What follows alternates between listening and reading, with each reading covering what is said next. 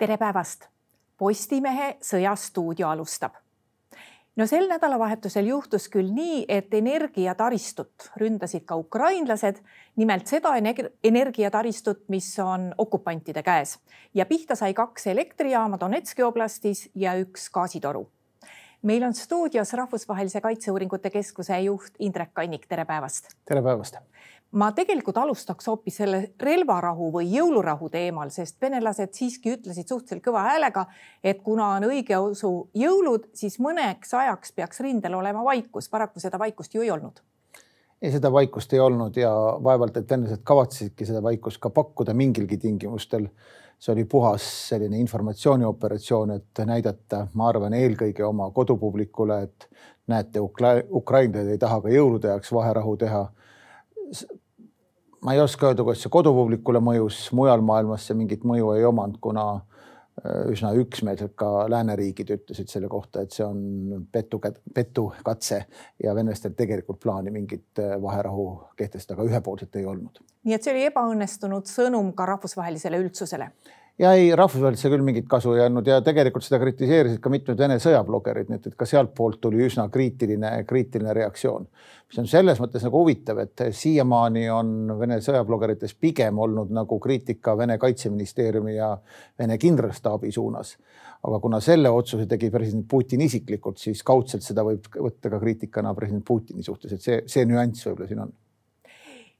rindel on kõige verisemaks paigaks nimetanud ka Ukraina president siiski seda rindejoont, mis on Bahmuti kandis. kuigi me vist ei peaks kartma seal, et Bahmut langeb venelaste kätte.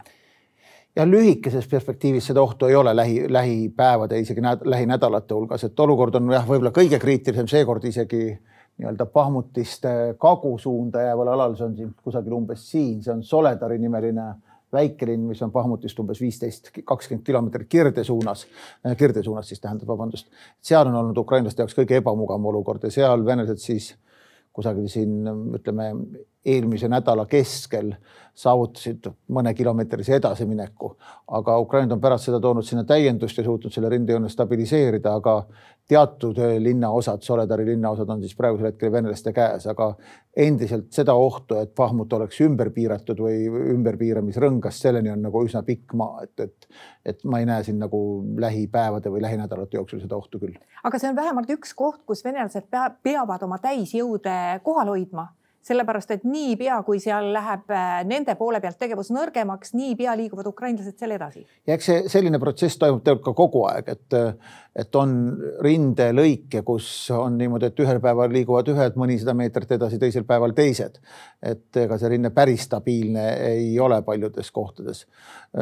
Ukraina Luhanski oblasti kuberneri Aidai sõnutsi on venelased siiski jälle Pahmuti juurest viinud viimastel päevadel ka osa vägesid ära Kreminna juurde, kuna seal on ukrainlased omakorda edasi liikunud mõne kilomeetri võrra. ja see on siis tõenäoliselt olnud pigem need üksused, kes on Pahmutist olnud lõuna suunal Opõtne ja need kohad, mis seal on. Äh, kuna Soledari juures see venelaste rünnak jätkub aktiivsena, Pahmutist lõunas on ta olnud märksa vähem aktiivsem, kui ta oli siin paari nädala eest no lõunarindest rääkides, siis äh, seal praegu venelased on ikkagi ainult ja valdavalt kaitsepositsioonidel, et seal isegi ei ole ju praegu äh, aru saada, kes sellel kurikuulsal Krimna poolsaarel on, et on seal mhm. siis venelased või on siis ukrainlased või, või käib see siis käest kätte või käivad seal kordamööda mõlemad? jah, kui vaadata lõunarinnet, siis siin tuleb nagu ka erinevaid alasid eh, eristada, et üks on siis tõepoolest see Hersonist siia lõunasse ja, ja kagusse, vabandust, edelasse jääv ala, kus siis eh, on needsamad Kinburni, Maakitsuse Kinburni poolsaar ja, ja samamoodi siis Dnepri, Suudme saared. seal ma arvan, see olukord on tõepoolest selline, et teatud alad käivad käest kätte või, või pigem ei valda kumbki pool seda territooriumit, vaid seal käivad mõlema poole eriüksused, teevad vahetevahel mingi kiire operatsiooni ja siis sealt lahkuvad, kuna pikemalt sinna jääda oleks liiga riskantne. teine on siis see laiem lõunaala, alates ütleme tegelikult siit eh, Enerhodarist kuni kuni noh, Berdjanskini siinkandis välja ja siis lõpuni välja siit kuni Krimmini. see on siis see ala, kuhu venelased küll muidugi kontrollivad, aga kus nende olukord on väga ebamugavaks muutunud, kus nad saavad praktiliselt igapäevaselt igapäevaselt raketilööke nii oma, oma üksuste pihta, inimeste pihta kui ka oma tehnika pihta. ja nagu on ukrainlased ise välja öelnud, Ukraina lõunaväejuhatuse juhataja, et enam äh, nii-öelda sügavat tagalat venelastel selles territooriumis ei ole, igal pool on nad löödavad. Ja selle hulka käib ka Krimmi põhjaosa, näiteks see Tšankoi, mis asub Sepsissiin kandis, on saanud peaaegu igapäevaselt noh, või vähemalt üle päeva ukrainlaste raketilöökide osaliseks, et jah, lõunas enam sellel suurel alal ütleme jah, siit, mis on noh, tuleb siit niimoodi enam venelased ennast kusagil nagu väga kindlalt tunda ei saa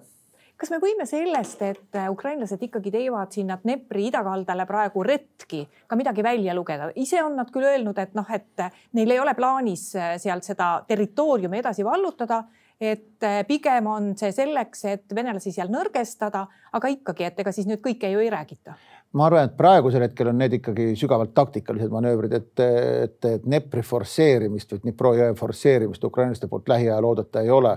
Ma arvan, ukrainlaste suur mure on siin selles, et venelaste raketituli äh, tabab igapäevaselt Hersoni linna ja takistab normaalse elu taastamist seal, et nad püüavad neid venelaste positsioone, kus praegu tulistatakse Hersoni linna, Dnipro idakaldad, nad püüavad neid nõrgestada, neid tõrjuda kaugemale, et Hersonis oleks natukenegi mugavam ja natukenegi normaalsem elu, et see on selle põhiline eesmärk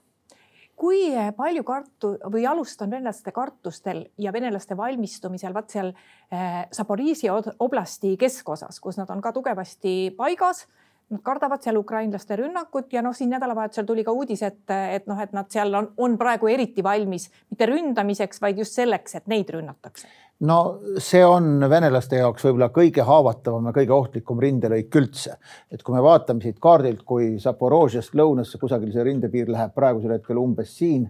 kui siit ukrainlased tuleksid Melitopoli peale, see vahemaa on umbes kaheksakümmend kilomeetrit, siis kogu Vene logistika lõunas lõigatakse tegelikult ära. sellele järel puuduks Venemaal enam korralikud varustusteed siia Dnipro idakaldale, Krimmist varustusteed oleksid ära lõigatud ja noh, enamus sõjalisi eksperte arvab, et Melitopoli vabastamise järel suudaksid ukrainlased üsna lühikese aja jooksul eh, praktiliselt kogu selle lõunaosa Hersoni oblasti, need osad, mis on venelaste okupatsiooni all veel ja Zaporožje oblasti, need osad, mis on venelaste okupatsiooni all, vabastada noh, mõne nädalaga või kuni mõne kuuga. see on see asi, mida venelased kõige rohkem kardavad praegusel hetkel ja, ja on ka üsna selge, et see on üks potentsiaalne koht, kus Ukraina oma järgmiseid suuremaid aktsioone planeerivad. teised on, teine koht on siis võib-olla see, et Dnipro on siis Luhanski oblasti põhjaosa, see ala siis siin, mis siis oli tegelikult ähm, nii-öelda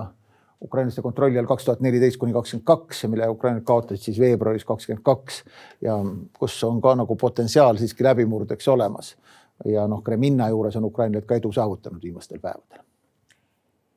uudised räägivad meile ka sellest, et venelased on toonud täiendavat elavjõudu, tehnikat ja siis noh, muidugi eh, kõike muud, mida sõjapidamiseks vaja on Valgevenesse. Ja selle asja mõte on see, et see tehnika pidavat pärinema siiski mingitest hoidlatest, kus ta on hästi-hästi kaua seisnud. Ja selle Valgevenesse viimise mõte on see, et Valgevene sõjavägi teeks selle korda. see kõlab loogilisemalt kui variant, et Venemaa üritaks uut rünnakut põhjas Kiievile, et selle üle on ka siin spekuleeritud praegusel hetkel ma Venemaal neid ressursse ei, inimressursse ega, ega ka,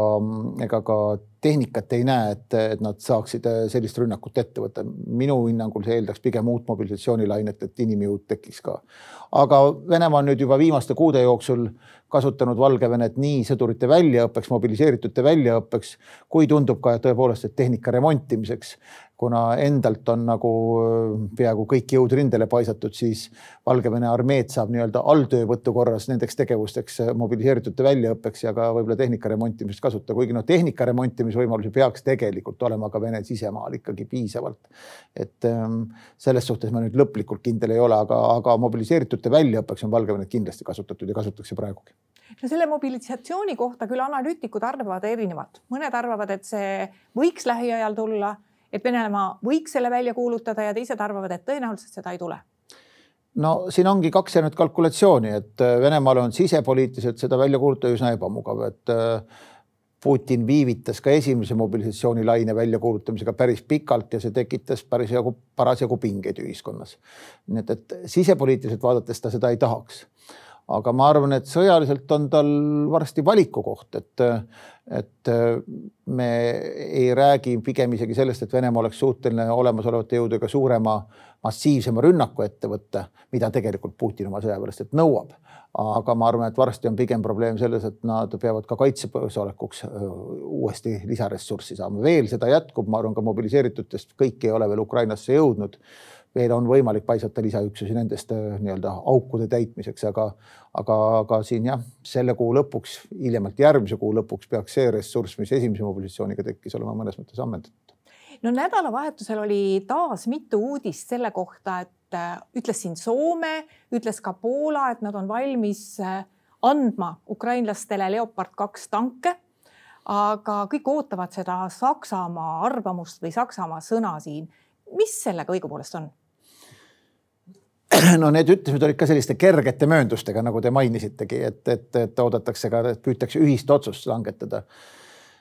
ja Saksamaa omakorda jälle poeb paljude otsuste puhul USA selja taha, ütleb, et nad ootavad, et, et Ameerika Ühendriigid langetaks otsuse moodsate tankide andmiseks, et noh, päris tankideni praegusel hetkel veel jõutud ei ole. et pigem on jõutud ikkagi nii-öelda küllalt raskete ja efektiivsete lahingtehnika, ütleme siis nii-öelda mm, soomuktehnika tasemele, mis on suur samm edasi, et kui me võtame Bradley'de andmist, siis ameeriklaste poolt see on oluline samm edasi. sakslaste, prantslaste otsused on olnud ka positiivsed, aga no hirm on endiselt ikkagi, on ikkagi selle eskalatsiooni taga, et kui me teeme liiga palju samme korraga, siis äkki venelased teevad midagi prognoosimatut, noh, eelkõige on hirm siis taktikalise tuumarelva kasutamise osas, kuigi venelaste ähvardused sellel teemal on olnud palju, ähvardusi on viimastel paaril kuul palju vähem, kui oli vahepeal. No miks see Leopard kaks nii selline võtmesõna on, et äh, on jah teada, et ta tulistab kahe kilomeetri kaugusele, aga, aga miks veel oleks väga suur ja väga tähtis see fakt, kui ukrainlased saaksid algul kasvõi sõnumi, et nad neid saavad no ma ei, ma arvan, et Ameerika Abramsid oleksid samamoodi head, kuigi ameeriklased ütlevad Abramsite kohta, et, et selle probleem on, on see, et seda on kohapeal raske remontida, ta vajab üha tihedalt remonti. Ehm, Ukraina suurema, massiivsema rünnaku läbiviimiseks vajab selgelt rohkem soomukit, kui neil praegu on. Nad saavad seda tasapisi juurde, aga no see tempo on ikkagi selline, et täna seda võimalust veel suuremaks rünnakuks, mida eriti näiteks, kui me räägime siin rünnakust lõunas, Ukraina lõunaosas, kogu see ala, mis on, eh, mis on, mis on eh, üsna sile, seal ei ole metsasid, lage maa, lagedal maal suuremat rünnakut ilma arvestatava hulga soomukita on väga raske ette võtta ja, ja soomustehnikat ja seda, selle tõttu Ukraina vajab nii tanke kui, kui ka soomukeid juurde.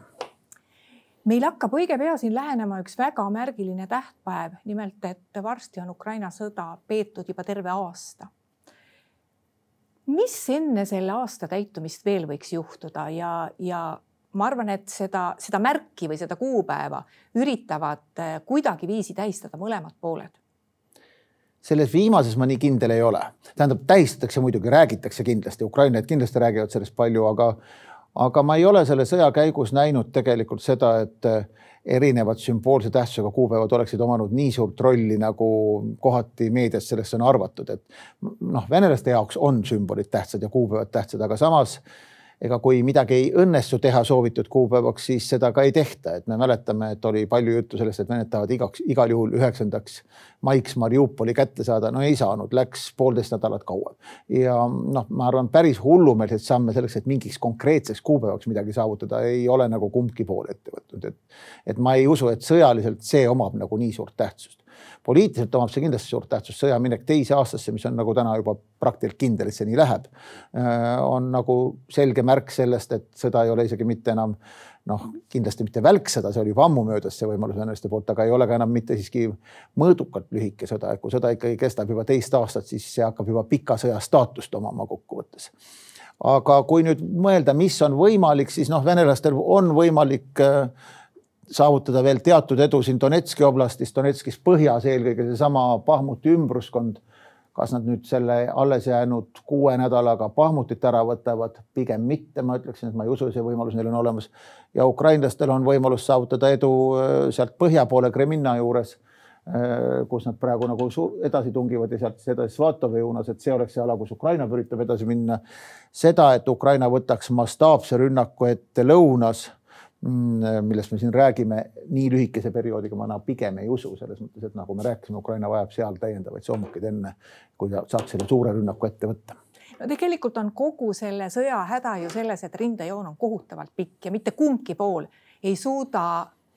sõdida efektiivselt kogu selle rindejoone ulatuses. et meil on praegu näha nagu üsna hästi, kus on paremas seisus ukrainlased, kus on praegu paremas seisus venelased. no tundub, et seda rindejoone osa, kus venelane suudab hoida suhteliselt tugevaid jõude, seda on ikka oluliselt vähem kui, kui seda rindejoone osa, kus nagu Ukraina suudab tublim ja tugevam olla.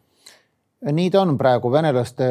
väga tugev aktiivsus jääb tegelikult paarikümne kilomeetri pikkusele rindejoonele ja noh, siis võib-olla on veel paar kümnekilomeetrist joont äh, nii-öelda ala veel võib sinna lisada, aga seal pole enam nii tugev, et see põhiline aktiivsus jääb ikkagi praegu selle Bahmuti ja Soledari alale, kõige tugevam venelaste aktiivsus. ja jah, ja kui me vaatame kogu rindejoont, siis ju on selge, et, et valdavas enamuses sellest ei toimu isegi igapäevaseid sõjalisi kokkupõrkeid. et ja nii on ta olnud tegelikult noh, ütleme sõja viiendast-kuuendast nädalast alates, et võib-olla alguses oli väga paljudes kohtades äh, tõesti alates põhjast ja lõunas, igal pool toimus mingi tegevus. edasi on ta ikkagi keskendunud üksikutele punktidele ja üsna, üsna piiratud punktidele, kui me vaatame kogu, kogu kaardiga võrreldes. kui me vaatame nüüd äh, Te ütlesite just, et jah, et vaevalt, et kumbki pool nüüd seda kahekümne neljandat veebruari sõjalises mõttes nii väga saavutustega tähistada üritab. aga kui me vaatame nüüd eh, rahvusvahelise üldsuse eh, sõnumit võib-olla pärast seda, kui see sõda on kestnud terve aasta, noh, pikaajaline sõda